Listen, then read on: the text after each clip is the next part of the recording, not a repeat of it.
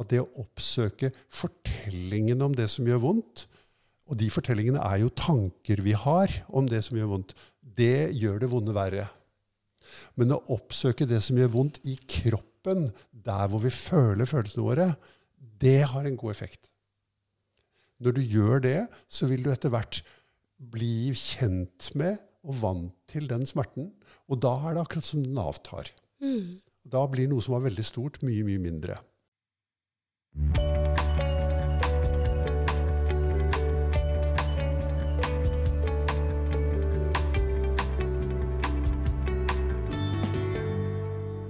Hjertelig velkommen til podkasten 'Leger om livet'. Mitt navn er Anette. Jeg jobber som lege, og jeg har laga denne podkasten fordi jeg ønsker å formidle god og nyttig kunnskap om kropp, helse og sinn. I dag så skal vi snakke mer om dette temaet som er sinnet vårt. Og uro og følelser og jakten etter eh, lykke. Og med meg til å snakke om det har jeg han Kaspar Skeip. Han har vært i podkasten før. Og hun Karina Li Haug. Han Kaspar han er fysioterapeut, psykoterapeut og forfatter. Han har skrevet en bok som heter 'Kampen mot uroen'. Hvis dere ikke har lest den, så kjøp den, for den er kjempegod. Den har jeg lest faktisk to ganger. Nei. Og ja, Wow. ja, det er sant. Jeg leste den akkurat nå på nytt. Det er veldig mange fine historier der. Eh, og han har jo drevet en veldig populær podkast som heter Guro og Guru, sammen med Guro Fostervold Tveten.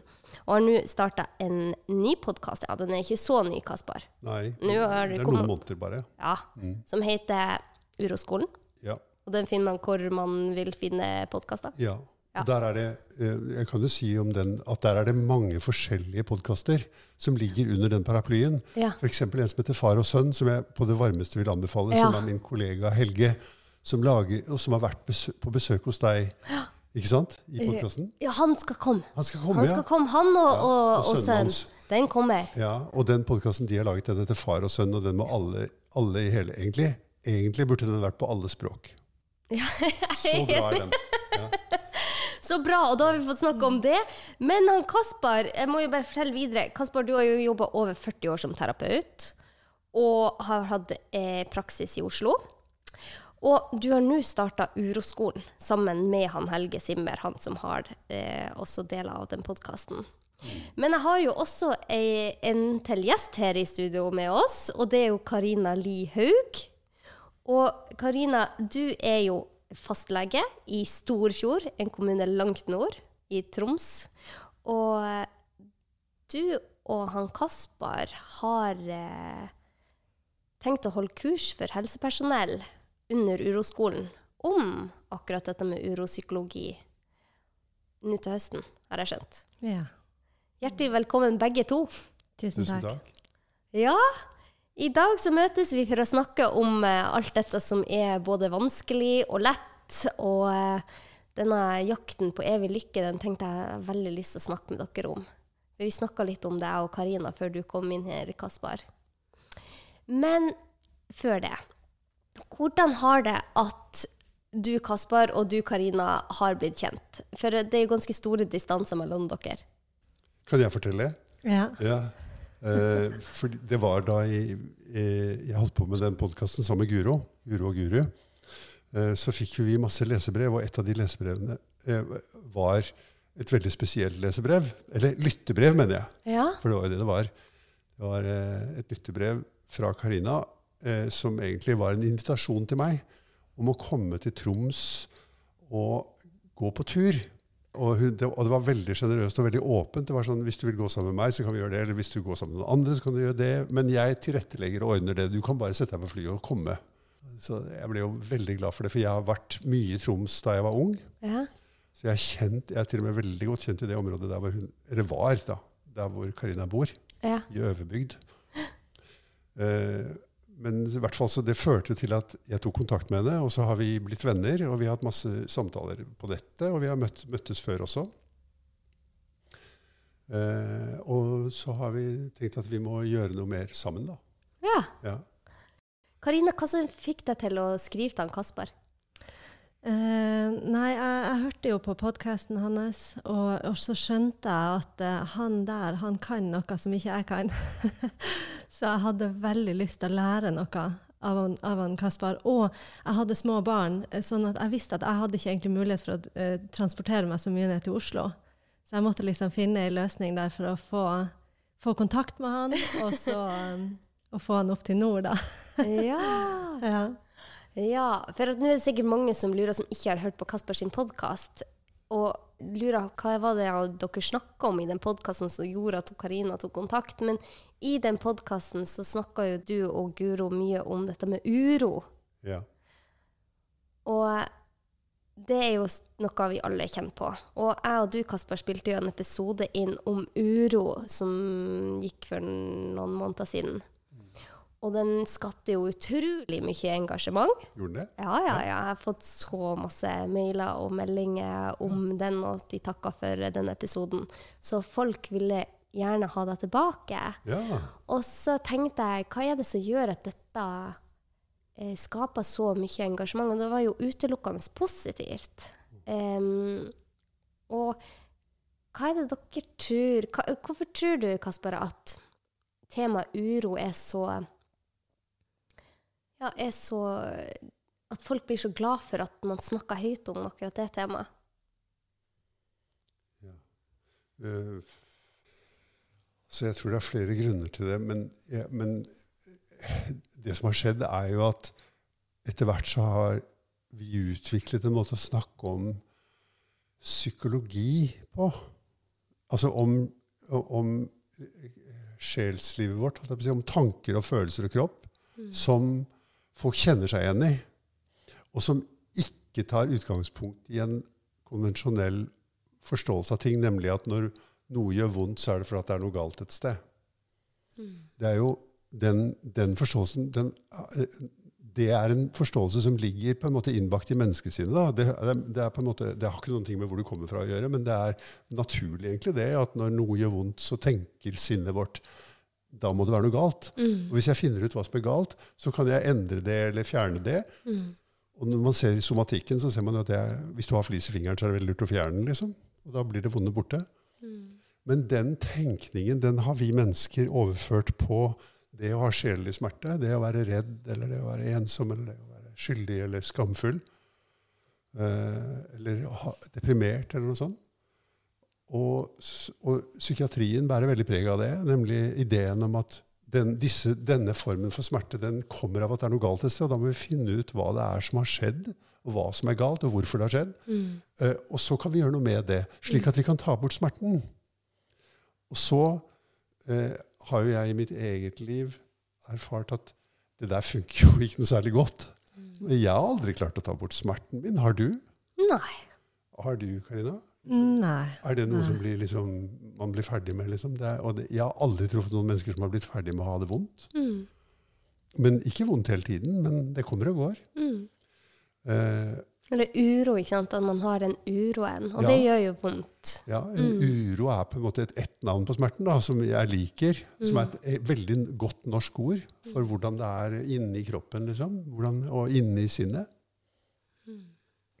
Så, så, det, var så det, var dette Guro og jeg snakket om på podkasten, og det var det du og jeg snakket om forrige gang også. Om hvordan eh, vi En annen måte å forholde seg til denne smerten på er å lære seg til å bli god til å ha den. Mm. For hvis, man, hvis, vi tenker oss at er, vi er veldig veldig gode til å ha vondt, så er det jo ikke noe problem å ha vondt. Da blir jo det mye lettere å ha vondt enn hvis man syns det er veldig veldig vanskelig å ha det vondt. Mm. Ja, for at hvis man har den uroen i tillegg er urolig for at man er, har uro, ja, så man, blir det jo verre. Ja, du har helt rett, og det er slik sinnet fungerer. ikke sant? Mm. Jeg er veldig redd for at jeg skal få tilbake den redselen som jeg hadde den ene gangen. Ja, så man gjør alt man kan for å slippe ja. å kjenne på uro. Ja, og det er helt automatisk. Mm. Og det vi snakker om nå, det handler jo om å bruke viljen sin mm. og oppsøke det som gjør vondt. Jeg har veldig lyst til å si noe mer om det, da, hvis jeg får lov. Ja, vær så god, Kaspar. Fordi det, det er, og det er veldig, for meg et stort og viktig poeng, og det er en grunnforståelse. liksom, At det å oppsøke fortellingene om det som gjør vondt, Og de fortellingene er jo tanker vi har om det som gjør vondt. Det gjør det vonde verre. Men å oppsøke det som gjør vondt i kroppen, der hvor vi føler følelsene våre, det har en god effekt. Når du gjør det, så vil du etter hvert bli kjent med og vant til den smerten. Og da er det akkurat som den avtar. Mm. Da blir noe som var veldig stort, mye, mye mindre. Og det jo veldig eng, det er noe som heter um, eksponeringsterapi, som på en måte benytter seg av dette. ikke sant? Uh, at man lærer seg å møte det, som, det man er redd for. Og man gjentar og gjentar, og gjentar det, så blir man gradvis mindre og mindre redd. Mm. Og så er det, uh, Men det vi har gjort da, i Uroskolen, er at vi har sagt at dette her er egentlig ikke et terapeutisk prosjekt, det er et læringsprosjekt. Dette her handler om noe som alle mennesker kan, nemlig å lære noe. Og det er mye lettere å drive, og mye mer effektivt å drive med læring enn det er å drive med terapi. Det tar veldig lang tid å drive med terapi, er min erfaring. Og det er veldig dyrt. Og, øh, mens det å lære noe, det kan du til og med gjøre på internett. liksom. Men hvordan syns du det, eh, Karina? For jeg husker jo bare min egen erfaring når jeg hørte om dette med uropsykologi og det å kjenne etter følelser. Og da merka jeg med en gang at dette var sannheten for meg. At mm, um, jeg hadde hele livet prøvd å unngå uroen min. Jeg husker helt tilbake på barneskolen så skulle jeg bli lege fordi at jeg skulle så, så, naiv man er når man går på barneskolen, så skulle jeg redde verden. Jeg skulle finne en måte sånn at man bare ble lykkelig hele tida. Og det leda meg jo til å lese ufattelig mange bøker om psykologi og bøker om eh, ja, hvordan man kan få det bedre. Og så plutselig en dag så kommer han Kasper her og forteller meg at ja, men den uroen, den skal du bare ha. den skal du kunne kjenne på, og det er, helt, det er en del av livet. Og det snudde jo helt opp ned på min tankegang. For jeg trodde jeg skulle finne en metode som gjorde at jeg hele tida fikk det bra. Mm. Men så lærte han meg en metode som gjorde at jeg kunne få det bra selv om jeg hadde uro. Hvordan var det for deg når du lærte dette? Uh, jeg hadde egentlig lært litt av det her før, fordi at jeg har vært på søken etter å liksom kjenne en sånn mer inderlig, ekte lykke da, i mange, mange år, føler jeg. Egentlig hele mitt voksne liv. Og så har jeg søkt veldig mange forskjellige plasser, og blant annet i India, da. Ja. Og der var egentlig hele ideen det samme som han Kaspar snakker om, bare at det var eh, liksom pakka inn i litt sånn der indiske tradisjoner, sånn som ble veldig fremmed for meg. Og så når jeg da hørte podkasten til han, han Kaspar, så tenkte jeg å herregud, der er det noen som sier det på norsk, liksom. Eh, og det var så Det traff meg liksom veldig. Og jeg, jeg, følte at veldig mye av det som han sier, og som ble sagt i den podkasten, sånn, eh, stemte og var, var sann, sannhet for meg, da. Mm. Og hvordan har du For du jobber jo som fastlege, ikke sant? Og ha denne Å bruke denne eh, måten og Det blir jo på en måte en, en, måte å leve på, det å kjenne etter. Og det kan jo høres så søkt ut, men det er jo ikke så fjernt, egentlig. Det er som Kasper har sagt flere ganger, dette står jo i masse bøker fra gammelt av. Og det å kjenne på følelser bør jo være noe som er helt vanlig for oss. Men jeg tror kanskje vi har gått sakte, men sikkert bort fra det, for vi prøver hele tida å føle på lykke og ikke på uro. Men i en hverdag som lege så står man jo i veldig mye uro. Mm, for at mm. ofte så møter man pasienter som har det vondt, eller som har enten fysisk eller psykisk smerte. Og så skal man Man kjenner jo på deres uro. I hvert fall gjør jeg det når jeg har pasienter. Så kjenner jeg jo ofte på hvordan de har det. Hvordan har du brukt det i din hverdag som lege? Eh, nei, det er jo litt nytt for meg egentlig å bruke det. Og, det, det, fordi at jeg var i permisjon og sånn da vi snakka sammen. Men det halvåret nå som jeg på en måte har hatt det med meg eh, som fastlege, så har jeg opplevd eh, at eh, jeg, på, jeg, elsker jobben min. Eh, jeg har også mange vanskelige dager og sånn, men jeg har liksom opplevd det møtet med pasientene sterkere og mer liksom mer, Det gir meg mer, og jeg blir mer takknemlig overfor altså Herregud, hvor mye de forteller, og hvor de åpner opp til deg, liksom. Mm. Mm, og så bruker jeg hele det her med å kjenne på eh, å være i kontakt med min egen uro, da. Det bruker jeg i konsultasjonene. Så jeg jobber på liksom en litt annen måte enn jeg gjorde, Mm. hvor jeg sitter og har litt mer fokus på meg sjøl i samtalen Mm. med pasientene, i den grad jeg klarer å huske det. Mm. Um, og da opplever jeg at det på en måte kommer bedre løsninger ut av det. Og jeg har også begynt å slutte å lete febrilsk etter løsninger. Mm. Mm. Uh, jeg har liksom begynt å prøve å heller være bare være i det. Mm. Og så kommer det på en eller annen måte en løsning. Ja, for ofte sånn, vi som leger eller i, hel i helsevesenet, så er vi så løsningsorientert, for vi har så lyst til å finne den beste løsninga hele tida. Man har knapt med tid, og man ønsker å finne en god løsning, sånn at de skal få det bra på et eller annet vis. Ja, ta vekk smerten Ja. de opplever, Ja. vil vi jo. Mm. Eh, og det jeg har skjønt de siste årene, er at det å drive og få andre Prøve å skape løsninger for andre ofte virker mot sin hensikt, for det blir på en måte en omvei. Og pasientene vet ofte selv hvor skoen trykker, og hva som må tas tak i. Mye bedre enn jeg som eh, behandler vil vite.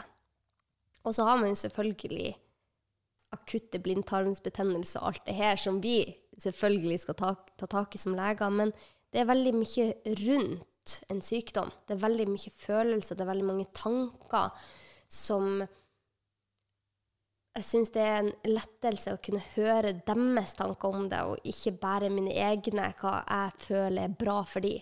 Prøver heller å vente med å finne den løsninga, sånn at de kanskje kommer fram til det selv.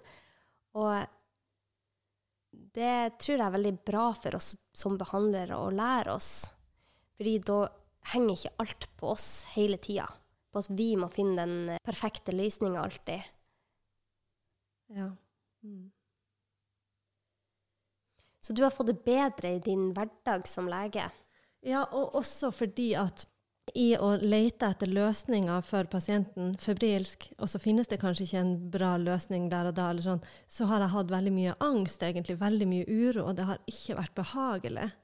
Men nå kan jeg heller, når det kommer en pasient og, og forteller meg et eller annet som jeg vet at vi har ikke noe god løsning på, altså f.eks.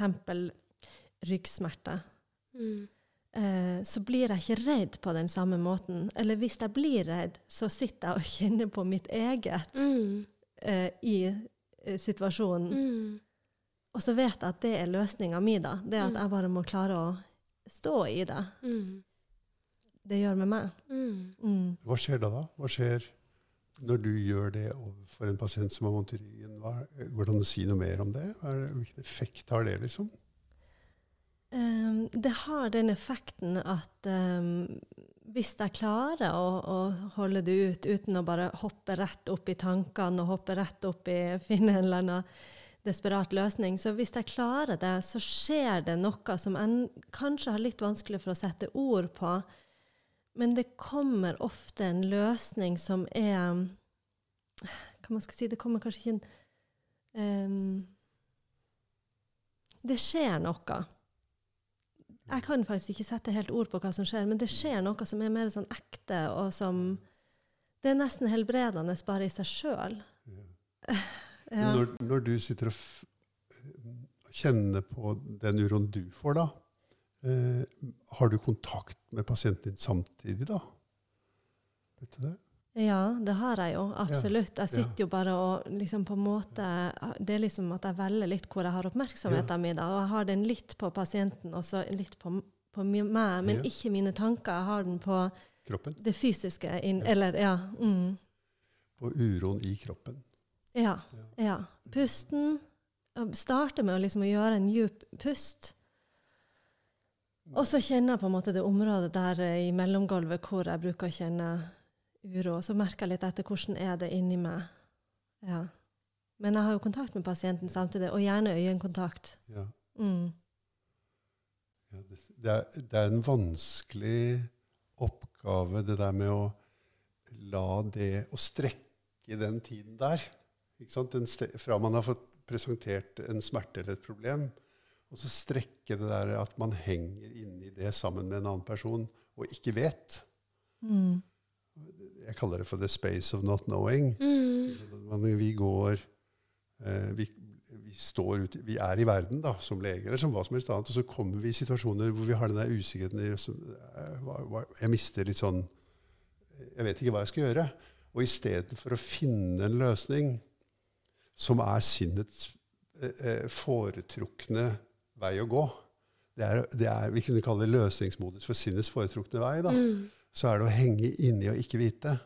Og at det eh, har en veldig konstruktiv effekt. At man ofte kommer frem til ting som er mye bedre på den måten.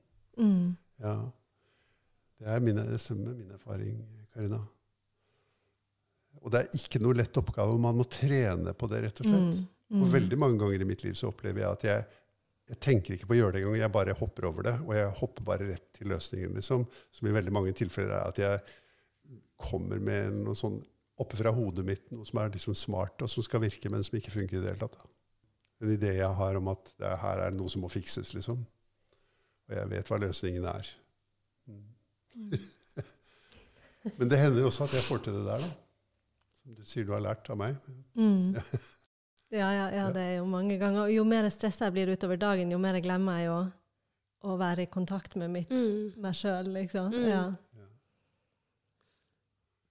Det er jo em, kanskje Kanskje vi er nødt til å bare snakke litt om dette med uro, for at dere var inne på noe veldig viktig. For det er ikke tankene. Det sitter i kroppen. Ja. Kan ikke du eh, fortelle litt om det, Kaspar? For det er en stor forskjell der. Mm. Ja, når vi, når, vi, når vi snakker om uro, da, eller ubehag For jeg, eh, jeg prøver å unngå å spørre Jeg kaller det for elever. Det jeg før, kalte, før kalte for klienter eller pasienter, kaller jeg nå for elever. Mm. Og når jeg spør mine elever eh, hvordan de har det, så, så, eh, så er det veldig fort gjort å spørre eh, for eksempel, altså de, for, de forteller meg jo noe da, fra livet sitt. Og så spør jeg hvordan føles det. Hvis jeg spør om det, så er det veldig mange mennesker som blir veldig i tvil. Hvordan føles egentlig det? Men hvis jeg spør er det behagelig eller ubehagelig å være deg når du opplever dette, så er det ingen som er i tvil om hvordan det er. Mm. Det er man helt sikker på med en gang. Man tenker seg ikke om engang. Man vet det. Det er ubehagelig. Og det ubehaget er den, det vi kaller uro. Og hvis jeg spør folk hvor er det ubehaget igjen, istedenfor å spørre hvorfor det er der, hva, altså hva kommer det av at du blir urolig eller får ubehag av dette? Og det er veldig fristende, for hodet vil spørre om det. For hodet tror at det er nyttig å vite hvorfor, og at det er mulig å vite hvorfor du har det ubehagelig. Men jeg har lært meg det at det, det er antagelig verken nyttig eller mulig. Eh, men I mange tilfeller, da. Eh, men eh, hvis jeg spør hvor er det ubehagelig, så er man mye mye sikrere på når, folk gjør det, så ser jeg jo at de på en måte skanner kroppen sin. Og så, og så Nesten alle mennesker de vet omtrent hvor det er. Det er et eller annet sted i bryst, mellomgulv mage. Det vet man veldig fort. Det hender at folk ikke vet det. Og det hender også at folk sier f.eks. det kan være i armene. Jeg kjenner det veldig i armene når jeg møter en sinna hund. liksom. Mm. Sant? Eller stå foran et stup. Eh, Så kan det være et annet sted, f.eks. I, i altså det å stå foran et veldig høyt stup, der hvor jeg kjenner det, det er i perineum. ikke sant? Det er i, eh, midt i skrittet, liksom. det er der man kjenner den typen angst. ikke sant? Så man kan jo kjenne uro mange steder. Ja. Mm. Ja. Uh, Men eh, Mm, Men hvorfor er det så viktig å, å skille tankene fra følelsene? Ja, veldig bra spørsmål, altså. Eh, fordi at fordi eh, tankene dine er kommentarer til virkeligheten. Tank, det tankene dine inn, altså Tankene dine som elektrokjemisk prosess er en realitet. De er virkeligheten. Men tankene dine som fortelling er ikke virkeligheten. De er en fortelling om virkeligheten. De er en kommentar til virkeligheten eller en tanke om virkeligheten. Det går ikke an. Vis meg virkeligheten slik at jeg kan erfare virkeligheten. liksom.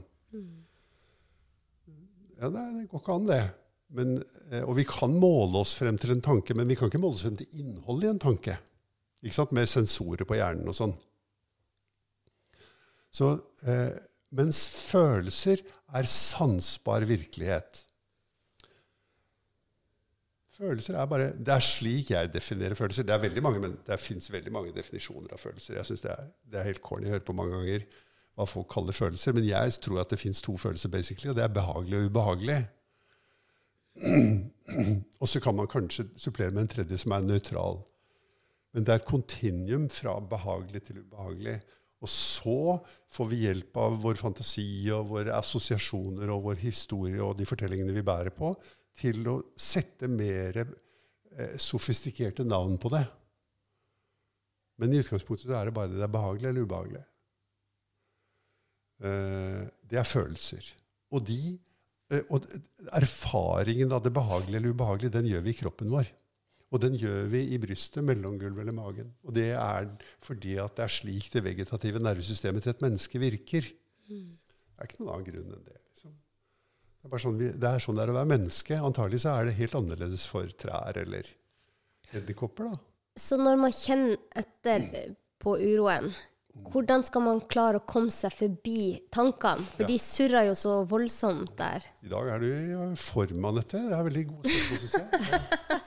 Det er så viktige spørsmål. altså. Som, som man, man må jobbe med om igjen og om igjen om igjen med seg selv. Og jeg må jo jobbe med mine elever om igjen og om igjen med det. Fordi det automatiske, det som er default mode of the human mind, det er Oppmerksomheten går til tankene. Så man må med viljen flytte oppmerksomheten bort fra tankene og over til det sansbare. Og det heter oppmerksomhetstrening.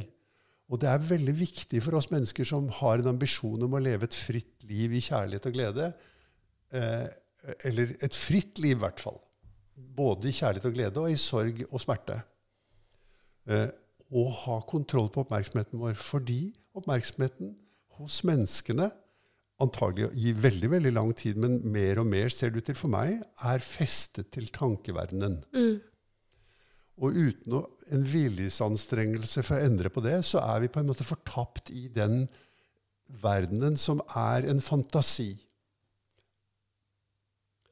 Og den er ofte kaotisk, ikke sant? Ja, den er veldig kaotisk. Ja. er det.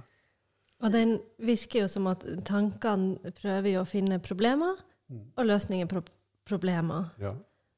Det er jo hele liksom dagen, det. Det er jo liksom ingen Det er veldig lite tanker som er sånn at ja, men sånn her er det, og det er fint. Ja. Altså det er jo veldig komplisert, da. ja, det er veldig veldig komplisert. Tankene sant? Er veldig komplisert. Mm. Og det er ikke noe tvil om at vi har fått Tankene er jo også et veldig, veldig nyttig verktøy. Det er veldig nyttig å kunne tenke. Det er ikke sånn det betyr. Det jeg sier er ikke det at det, det er dumt å tenke, liksom. Men vi har, overvurderer enormt eh, mulighetene som ligger i å tenke seg til løsninger på sjelelige problemer. Mm.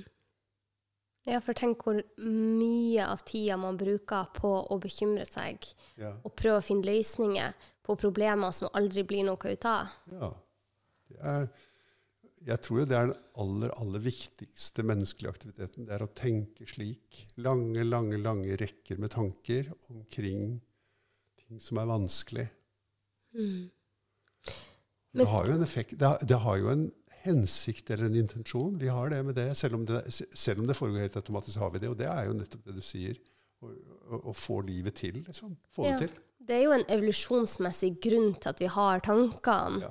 og at vi skal få, øh, finne løsninger sånn at vi overlever. Mm. Men ofte så bruker vi denne tankevirksomheten på å finne løsninger på problemer som ikke eksisterer. Som kanskje kommer til å skje, men som sannsynligvis aldri skjer. Og hvordan Du sier at man skal øve seg på å være eh, Øve seg på nærvær. Nei, hva var det du sa? Som, Oppmerksomhetstrening. så er- oppmerksomhetstrening. Ja, øve seg på å rette oppmerksomheten med viljen. ja. Ja. Og hvordan gjør man det, da, når tankene surrer? Ja, det, jo- det gjør man. Man må virkelig anstrenge seg for å gjøre det, da. Men det handler jo f.eks. om en sånn ting som å ta pauser i livet hvor du flytter oppmerksomheten fra Med vilje stopper du det du egentlig holdt på med, og så retter du oppmerksomheten mot noe som ikke tiltrekker seg oppmerksomheten automatisk. Automatisk. Da nytter det ikke å komme med trekkende med mobiltelefonen eller TV-en, for det tiltrekker seg oppmerksomheten automatisk. Det er det som gjør at det er så attraktivt. Det er fordi det tiltrekker deg automatisk. Det er helt viljeløst. Mm. Men hvis jeg sier hvordan, Nå sitter Anette med eh, hendene rundt det høyre kneet sitt.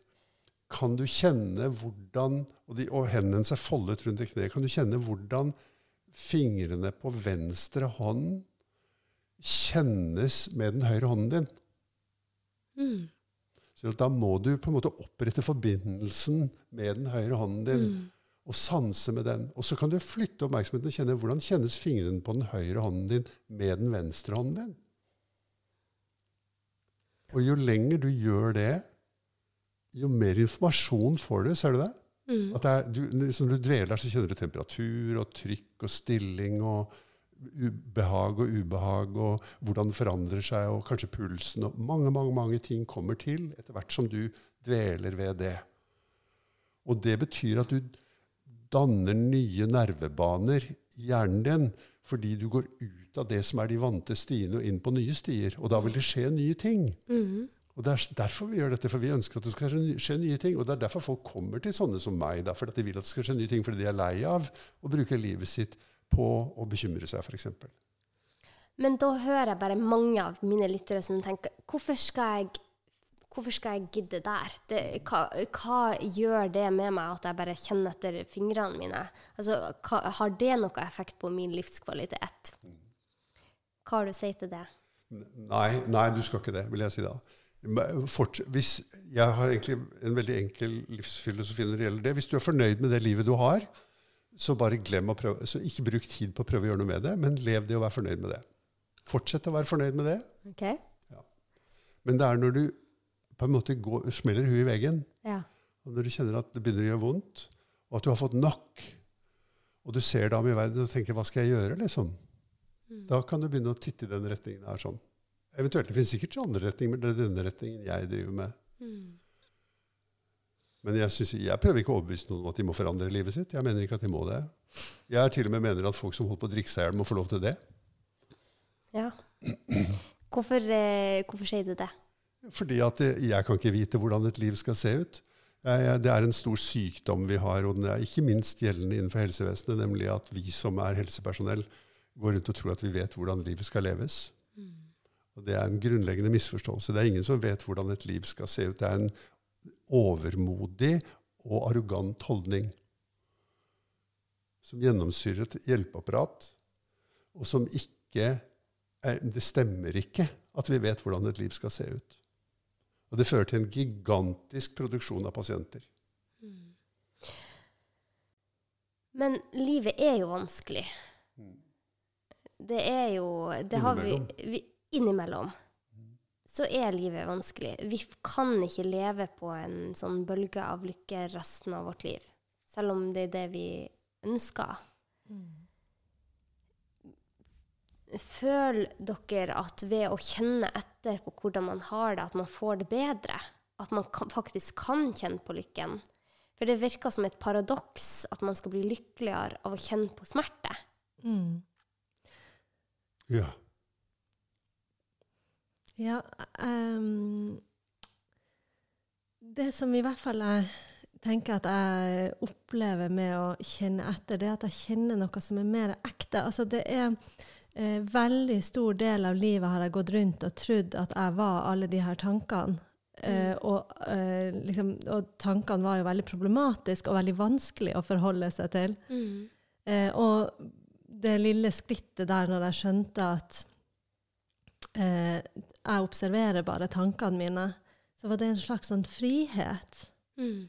Eh, og når man da kan jobbe med å, liksom, som du sier, velge hvor man vil ha oppmerksomhet, da, så gir det en frihet, da. Men det tar jo ikke bort eh, den smerten som alltid kommer til å være der og er der. Men den friheten er jo veldig, veldig god. Mm. Ja. Det um, um,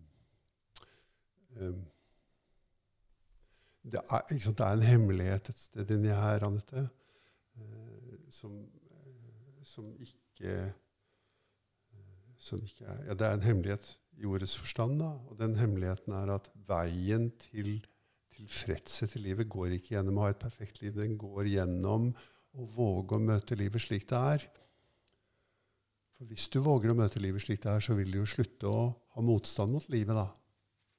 Da innser du at livet kan være veldig vondt og veldig godt, og det ender med døden. Og jeg er klar til å ta imot livet slik det er. Og det er jo, De fleste av oss er ikke det.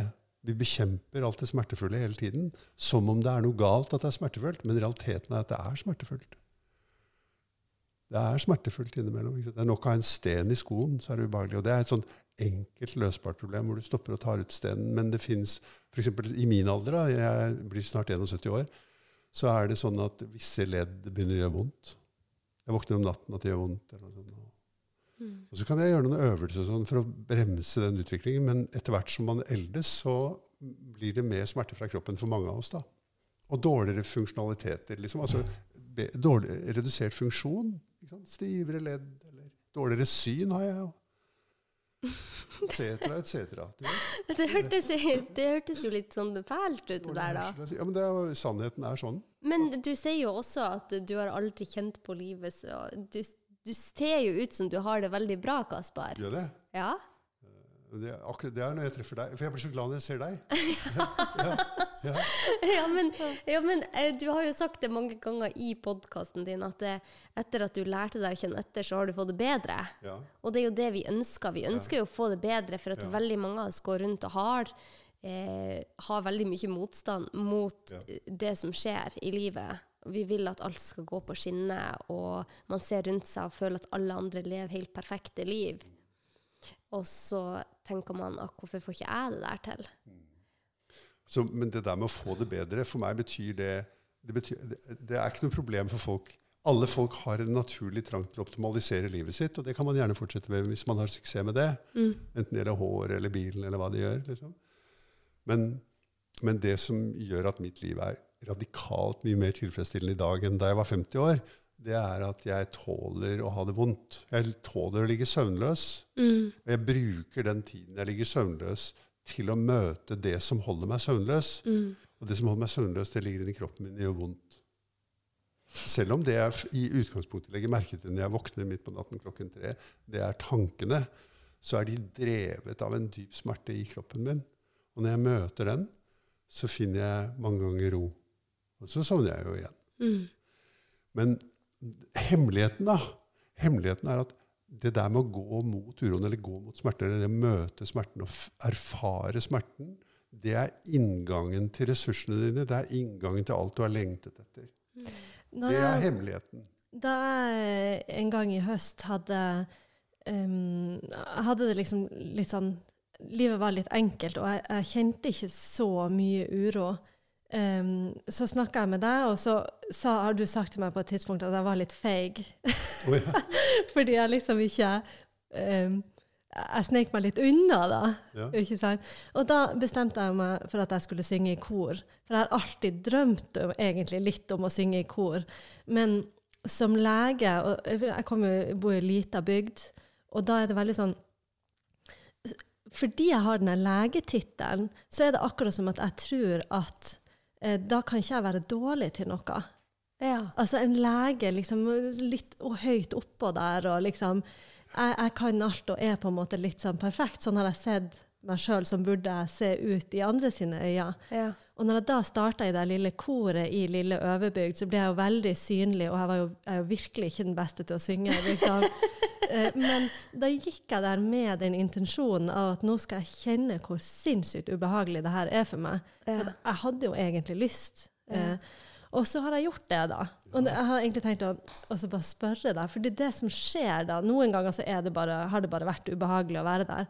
Men når jeg sitter der og kjenner hvor ubehagelig det er, og virkelig bare sånn lar det være litt ubehagelig, så det er kanskje de kveldene etter jeg kommer hjem fra koret, så er det kanskje de kveldene jeg er mest glad i løpet av hele uka. Altså etter det her. Og Mats er liksom sånn, han skjønner ikke helt uh, ja, Hvorfor er det sånn? Hva er det som skjer da? For, for det er noe som skjer da.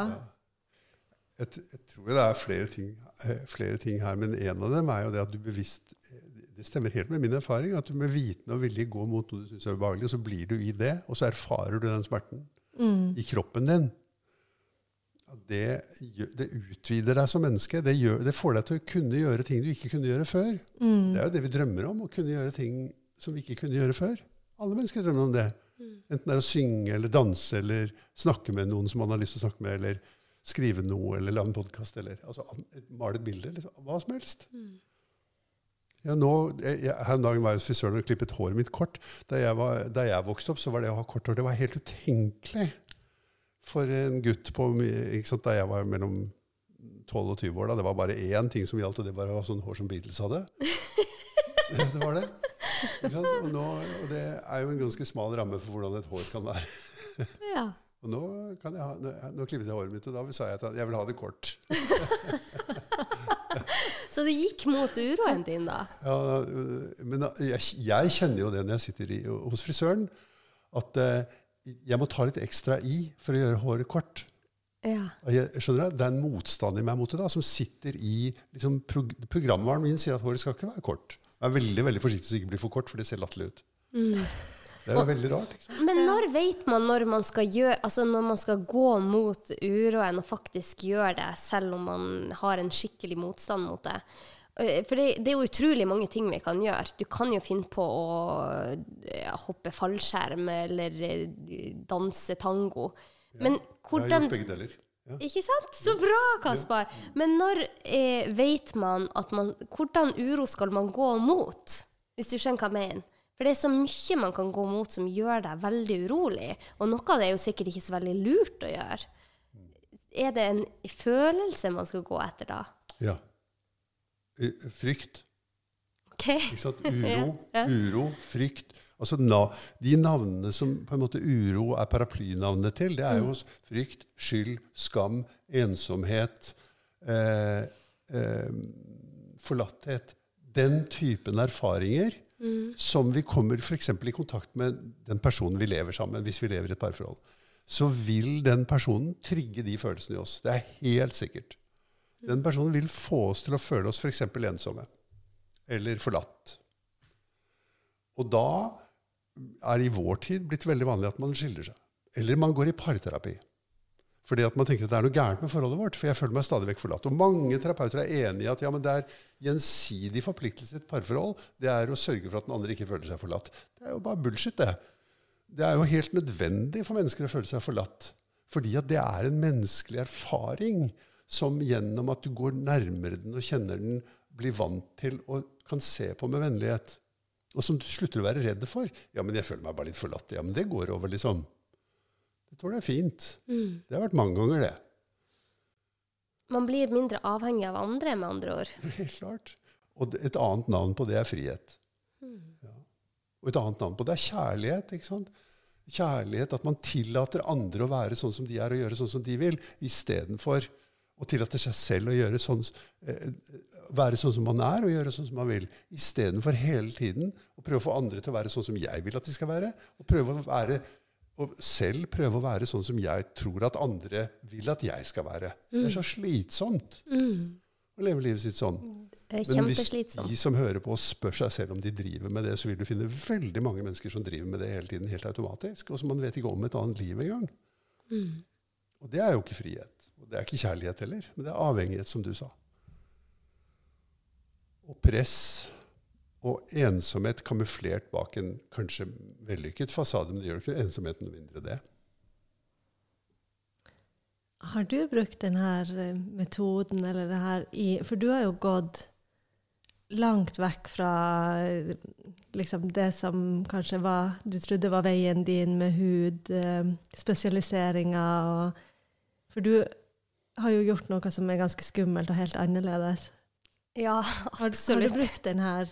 Ja, liksom, altså det jeg kan, det jeg kan si at for, Jeg husker for det, jeg har et tiårsjubileum i år der jeg en- bestemte meg for å endre hvordan jeg hadde det. For da, var, da hadde jeg det veldig, veldig vanskelig i livet mitt. Og så husker jeg at jeg leste masse bøker om buddhismen. Og så fant jeg ut at jeg skulle begynne å meditere. Og jeg husker jeg satt på rommet mitt. Jeg, var, jeg hadde dratt hjem til Nord-Norge for å få det bedre, for jeg hadde det så vanskelig på studiet femte året. Så satt jeg på stolen min på eh, rommet som jeg vokste opp i, soverommet mitt, og så skulle jeg kjenne etter, sånn som jeg hadde lest i de bøkene. Og jeg fikk jo nesten panikkanfall. Jeg Ja. syntes det var så vondt. Mm. Å bare tenke på meg selv og mine følelser, det var så vanskelig at jeg liksom- Jeg brukte sikkert bare to minutter før jeg forsvant fra det soverommet og gikk opp og så på TV eller prøvde å komme meg unna det. Så det har jo vært en veldig lang vei fra da, der jeg så vidt kunne være sammen med meg selv i to minutter, til å være her. Og jeg har lært veldig mye på den veien. Men jeg husker veldig godt Og jeg syns det var så fint det du sa, at du hørte det på norsk. Du hørte han Kasper si dette, og det ble så gjenkjennbart. Og da tenkte jeg ok, nå- Jeg forstår det på en, et annet nivå. Og um, det at jeg tok et valg om å si nei til en stilling eh, for å spesialisere meg videre på hud, var utrolig smertefullt. Det var veldig, veldig vondt. For her hadde jeg fått en mail som sto 'Du har fått jobben'. jeg gratulerer. Og så takka man nei til en så trygg og fin jobb. Men så kjente jeg at det var noe jeg måtte gjøre. Og jeg kan ikke forklare hvorfor jeg kjente det så sterkt. Men jeg kjente så sterkt at jeg var nødt til å lage denne podkasten.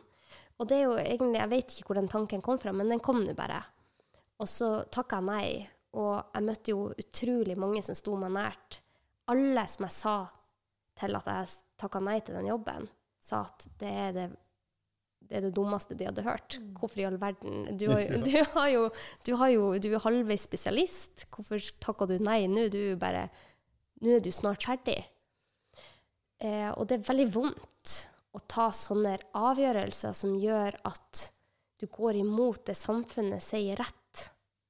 Nå sier jeg jo ikke at jeg ikke skal tilbake til henne, det skal jeg jo kanskje en eller annen gang, det vet jeg ikke.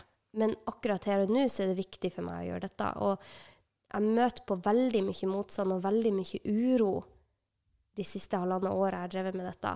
Fordi jeg, man må utvikle seg hele tida. Man man må kjenne etter og gå mot det som er rett for meg. Og det er jo noe nytt i livet mitt. At jeg går etter noe som jeg merker er veldig bra for meg, men også som er veldig vondt. For det er eh, på et vis mye mer komfortabelt å være i hudstilling og bli hudlege. For det er en um, Samfunnet rundt sier at det er den beste veien å gå.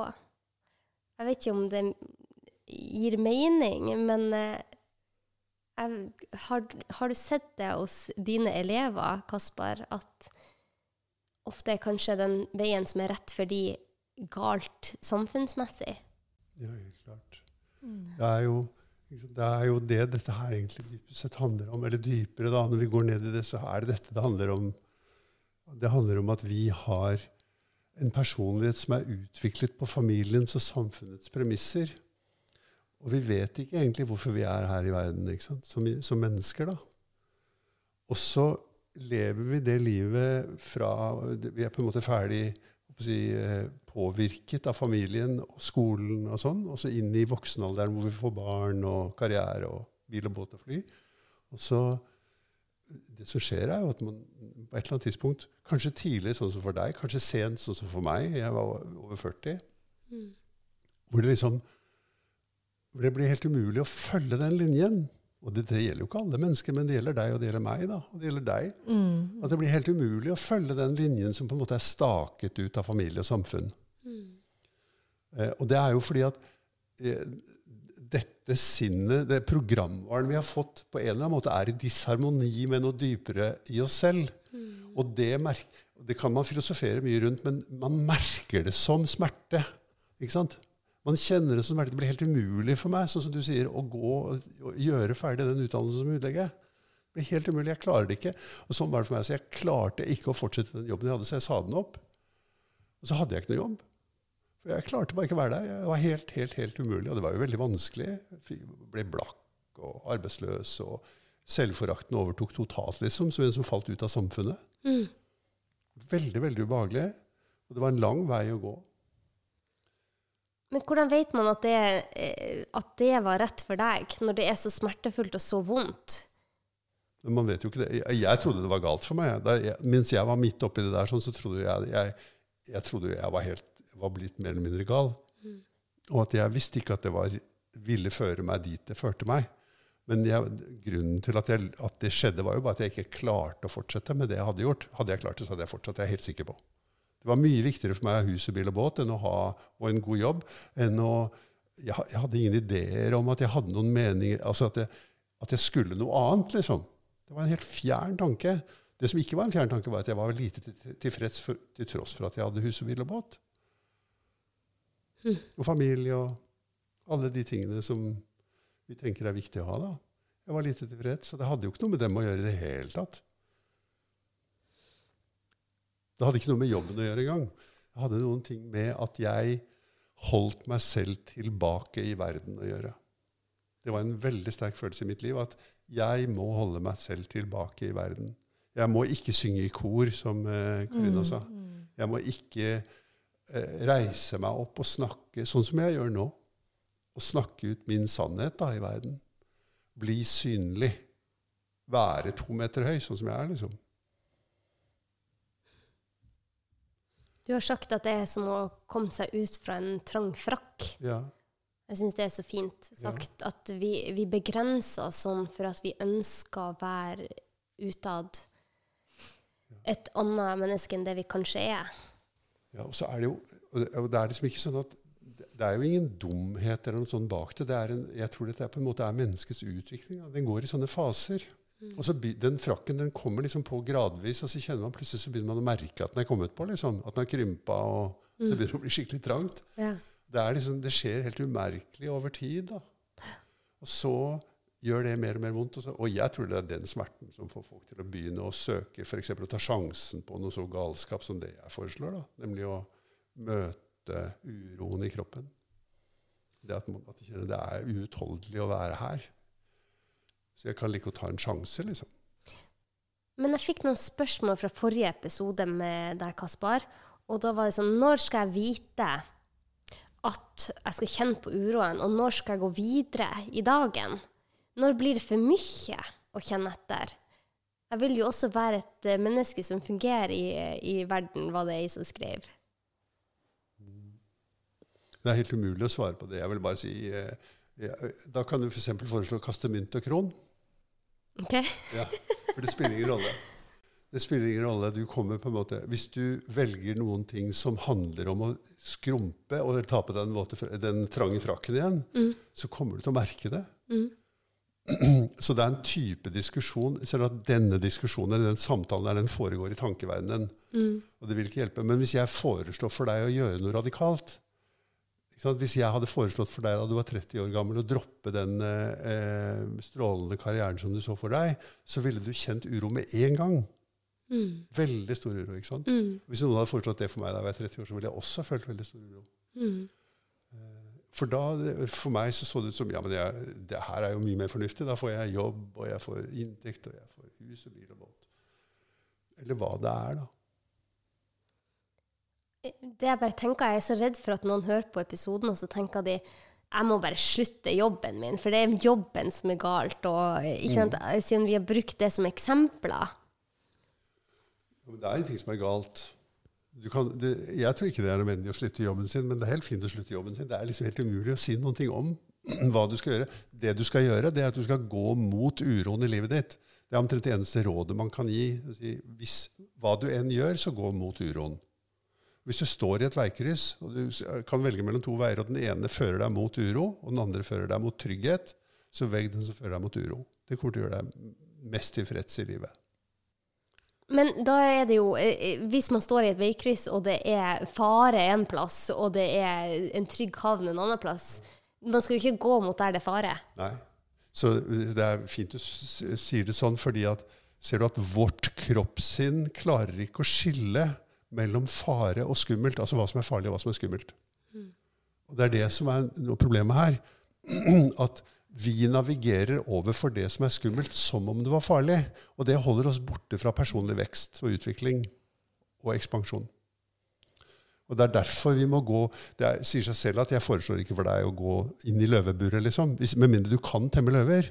Ja. Men hvis du skal ha bestemt deg for å bli løvetemmer, så må du begynne å gå mot uroen. Du må liksom face løven først fra yttersida og så fra innsida, og ha med deg verktøy og lære deg teknikken og gjøre det arbeidet. da. Og du kommer til å være redd underveis, jeg er jeg helt sikker på. Og du, akkurat som du sier jeg er redd når jeg skal øh, ha satset på dette med podkasting. Eh, og jeg er redd når jeg har satset på dette med uroskolen. Og Karina er redd når hun synger i kor.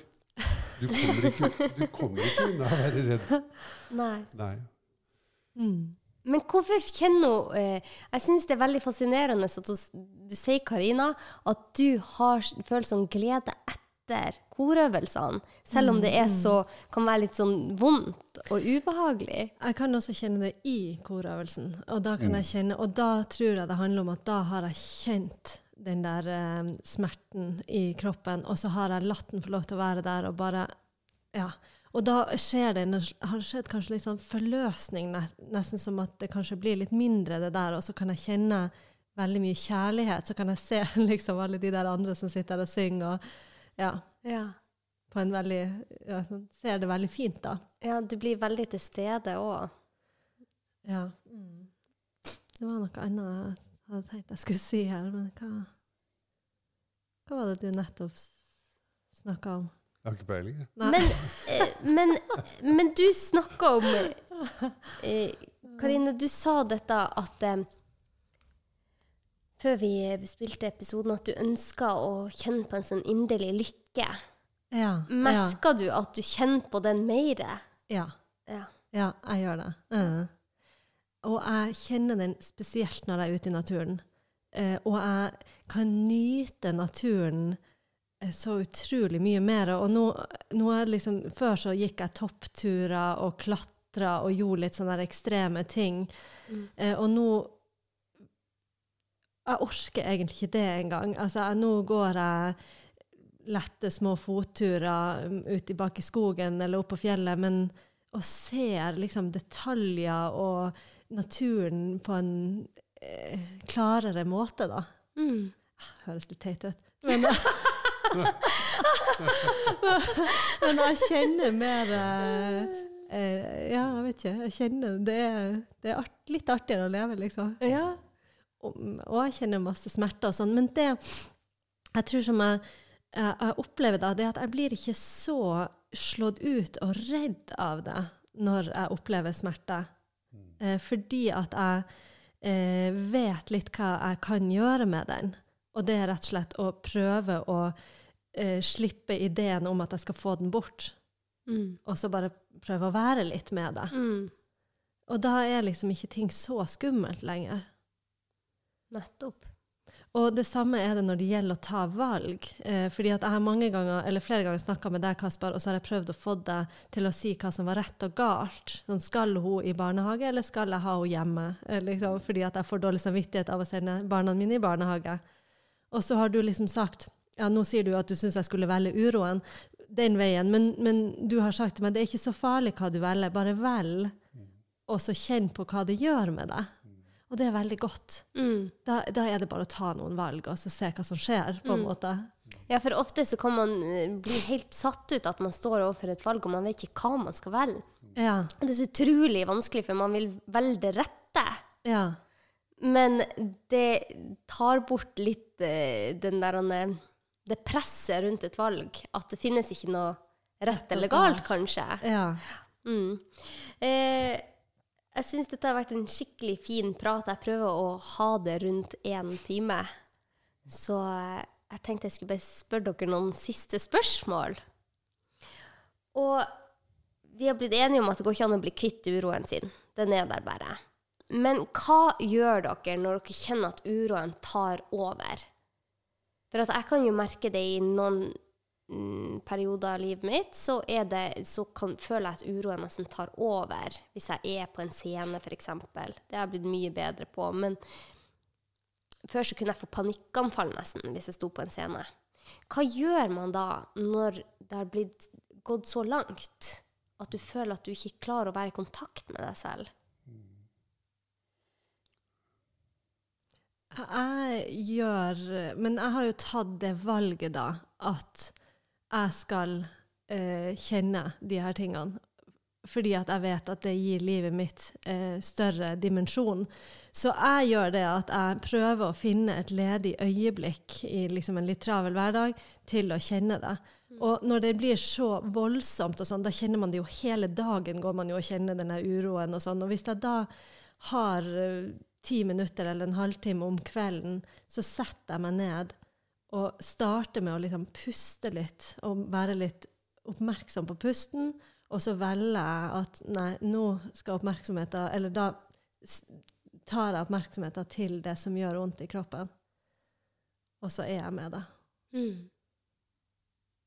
Når det blir veldig voldsomt. Men syns du det er vanskelig å finne det når du er hjemme i trygge omgivelser? Eh, nei, det er ikke så vanskelig å finne det, men det er vanskelig å ta den beslutninga og gjøre det. Fordi det er mye lettere å se på mobilen eller datamaskinen eller eh, gå ut i hagen eller Altså, det er mye lettere å stikke av. Ja. Ja. Mm. Men hvis jeg først kjenner etter, så er det ikke så vanskelig å kjenne det. Men jeg, jeg, Anette, har du noen gang opplevd at noen som har stått på en scene og sagt jeg føler meg veldig nervøs, så jeg må bare gi det litt plass først. Har du, at, de har fått, at det har skjedd noe dramatisk negativt med dem i en sånn situasjon? Har du noen gang opplevd at folk har gjort det, kanskje, først? Når de sitter med Så uro? som står på en scene og skal holde foredrag, foredrag, for eksempel, så får man hetta. Ja. Og så, sier man, så er det en person som sier åh, jeg kjenner jeg blir veldig nervøs, jeg trenger å ta meg litt tid. ja. Eh, har, du, kan du, har du opplevd, eller kan du tenke deg at det kommer til å føre dra, til dramatiske negative sanksjoner fra forsamlingen? Nei. Ikke jeg heller. Det er jo helt opplagt at alle folk vil kjenne seg igjen i det. liksom. Ja. Noen mer enn andre, men eh, stort sett så vet folk hva det handler om. Og at det en, så det, det ville jo være fint hvis man kan det. Jeg syns ofte det er veldig vanskelig, for skammen er så sterk over å ikke beherske den situasjonen. Ja. Så det er vanskelig, men det er det som hjelper. Det er jo å dele det. Det er å føle det, og det er å dele det. Mm. Hva er det som gir deg uro, Kaspar? Altså, det er eh, Alt i livet nesten gir meg uro. Setter meg i kontakt med uro. Eh, sånn at det er veldig veldig mange rike muligheter for å være sammen med uroen og komme gjennom uroen og til å kunne være sammen med virkeligheten og, og utfolde meg der, da. Det gir meg jo uro å lage en podkast, f.eks. Eh, altså, eh, jeg syns Hvis du spør meg hva jeg helst vil gjøre, så er svaret jeg vil helst ligge på sofaen og spise chips og drikke øl og se på fotball. Hvorfor gjør du ikke det? Nei, jeg, jeg gjør ikke det fordi at jeg har prøvd det. Og jeg blir fryktelig mye mer urolig av det etter en liten stund. da. Og det gir meg absolutt ingen tilfredsstillelse, liksom. Annet enn av og til sier det meg. Jeg gjør det jo av og til. Men, eh, men det gir meg jo ikke det livet som jeg ønsker meg i det hele tatt. Og hvis jeg gjør det mye, så, ja, så fører det til voldsom uro. Men er det ikke det man skal gå? Man skal jo gå mot uroen. Ja, Og nå sier du at det fører til voldsom uro. ja. Er det ikke nettopp det du skal gjøre, da? Nei, jeg tror at For meg så handler det der om å unngå uro. Fordi at jeg syn, det, Hvor jeg snur meg, hvor jeg ser på en måte eh, eh, oppgaver for meg i livet, så føler jeg motstand og uro mot det. da. Ja. Og det er, eh, det er huset som skal males, eller det er et menneske jeg skal snakke med, Ja. så føler jeg motstand. Ja. Og den motstanden den står på den indre uroen. Og det eneste stedet jeg ikke føler motstand, det er foran mobiltelefonen eller TV-en. Nettopp. Og, foran, og eh, eh, når jeg har tatt de første slurkene av en ølflaske, så kjennes det også veldig Det er veldig deilig. Da er liksom all uroen borte. Sånn ah, endelig, liksom. Ja. Det, det varer ikke. Det, det gjør ikke det. Ja. Nei, det, takk for en kjempefin prat, dere. Er det noe vi er nødt til å ta opp nå når vi først har anledning, og vi tre sitter i lag, som vi ikke har fått tatt opp? Ja, altså, jeg har jo veldig lyst til å fortelle om at uh, vi, uh, vi går disse vandringene På Uroskolen så går vi vandringer i naturen flere ganger i året. Jeg skal gjennom uh, om litt over en uke, så, okay. og den er fulltegna. Men da skal vi vandre i en uke i naturen og se på uroen. Og det som er så fantastisk med å gjøre det, er at naturen gir en slags gratis hjelp. da. Så det skjer så mye på de vandringsgruppene. Det så, jeg, bare, jeg bare elsker å holde på med det. Men jeg har motstand på forhånd. Jeg vil heller ligge på sofaen. Men uh, når jeg kommer ut i skogen sammen med mennesker, så skjer det veldig fine ting. Og at vi får oppleve våren sammen også. Jeg har, um, jeg har jo egentlig hatt veldig lyst til å være med på en sånn tur. Og så har jeg det litt vanskelig sånn praktisk med å få det til, siden det foregår i Oslo. Og derfor har jeg sørga for å organisere en sånn tur sjøl i Nord-Norge. Sånn at jeg skal få være lamma Kaspar i fire dager ute i naturen. så um, Det er i september, er det ikke det det? er i september, ja. Men Mm. er det, var det kun for helsepersonell, det, eller? Altså det, vi, har, vi har tenkt det, da, at det ville vært veldig fint egentlig å ha helsepersonell, frustrert helsepersonell. Ja. Men det finnes på uroskolen.no, så kan man òg finne sånne vandringer uten at man må være helsepersonell. ja, ja.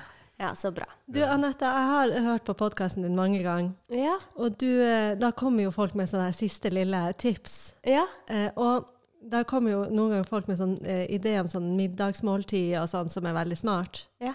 Så jeg tenkte jeg skulle fortelle mitt Ja. tips her, og så kan du se om du vil ha det med. ja bra. Ja.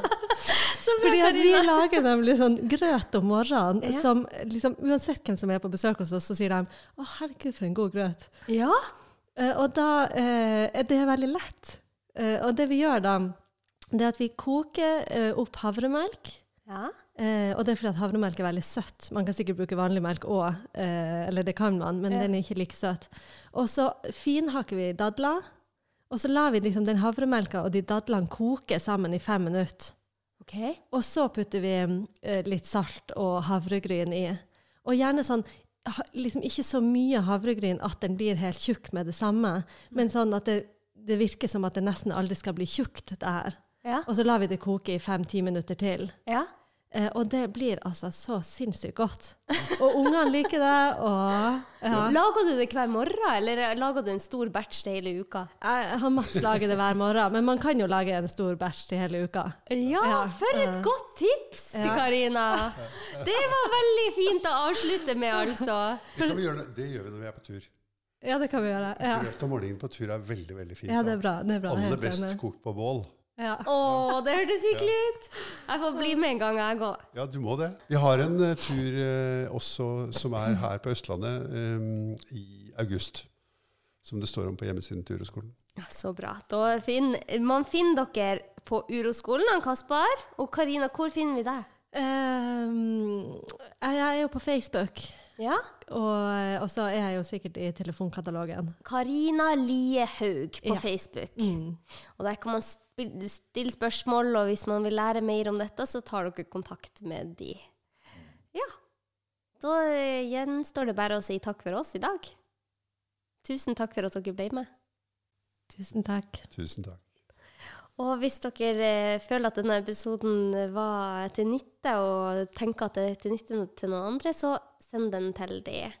Og eh, skriv til meg på Instagram eller Facebook hvis du lurer på noe eller har tilbakemeldinger.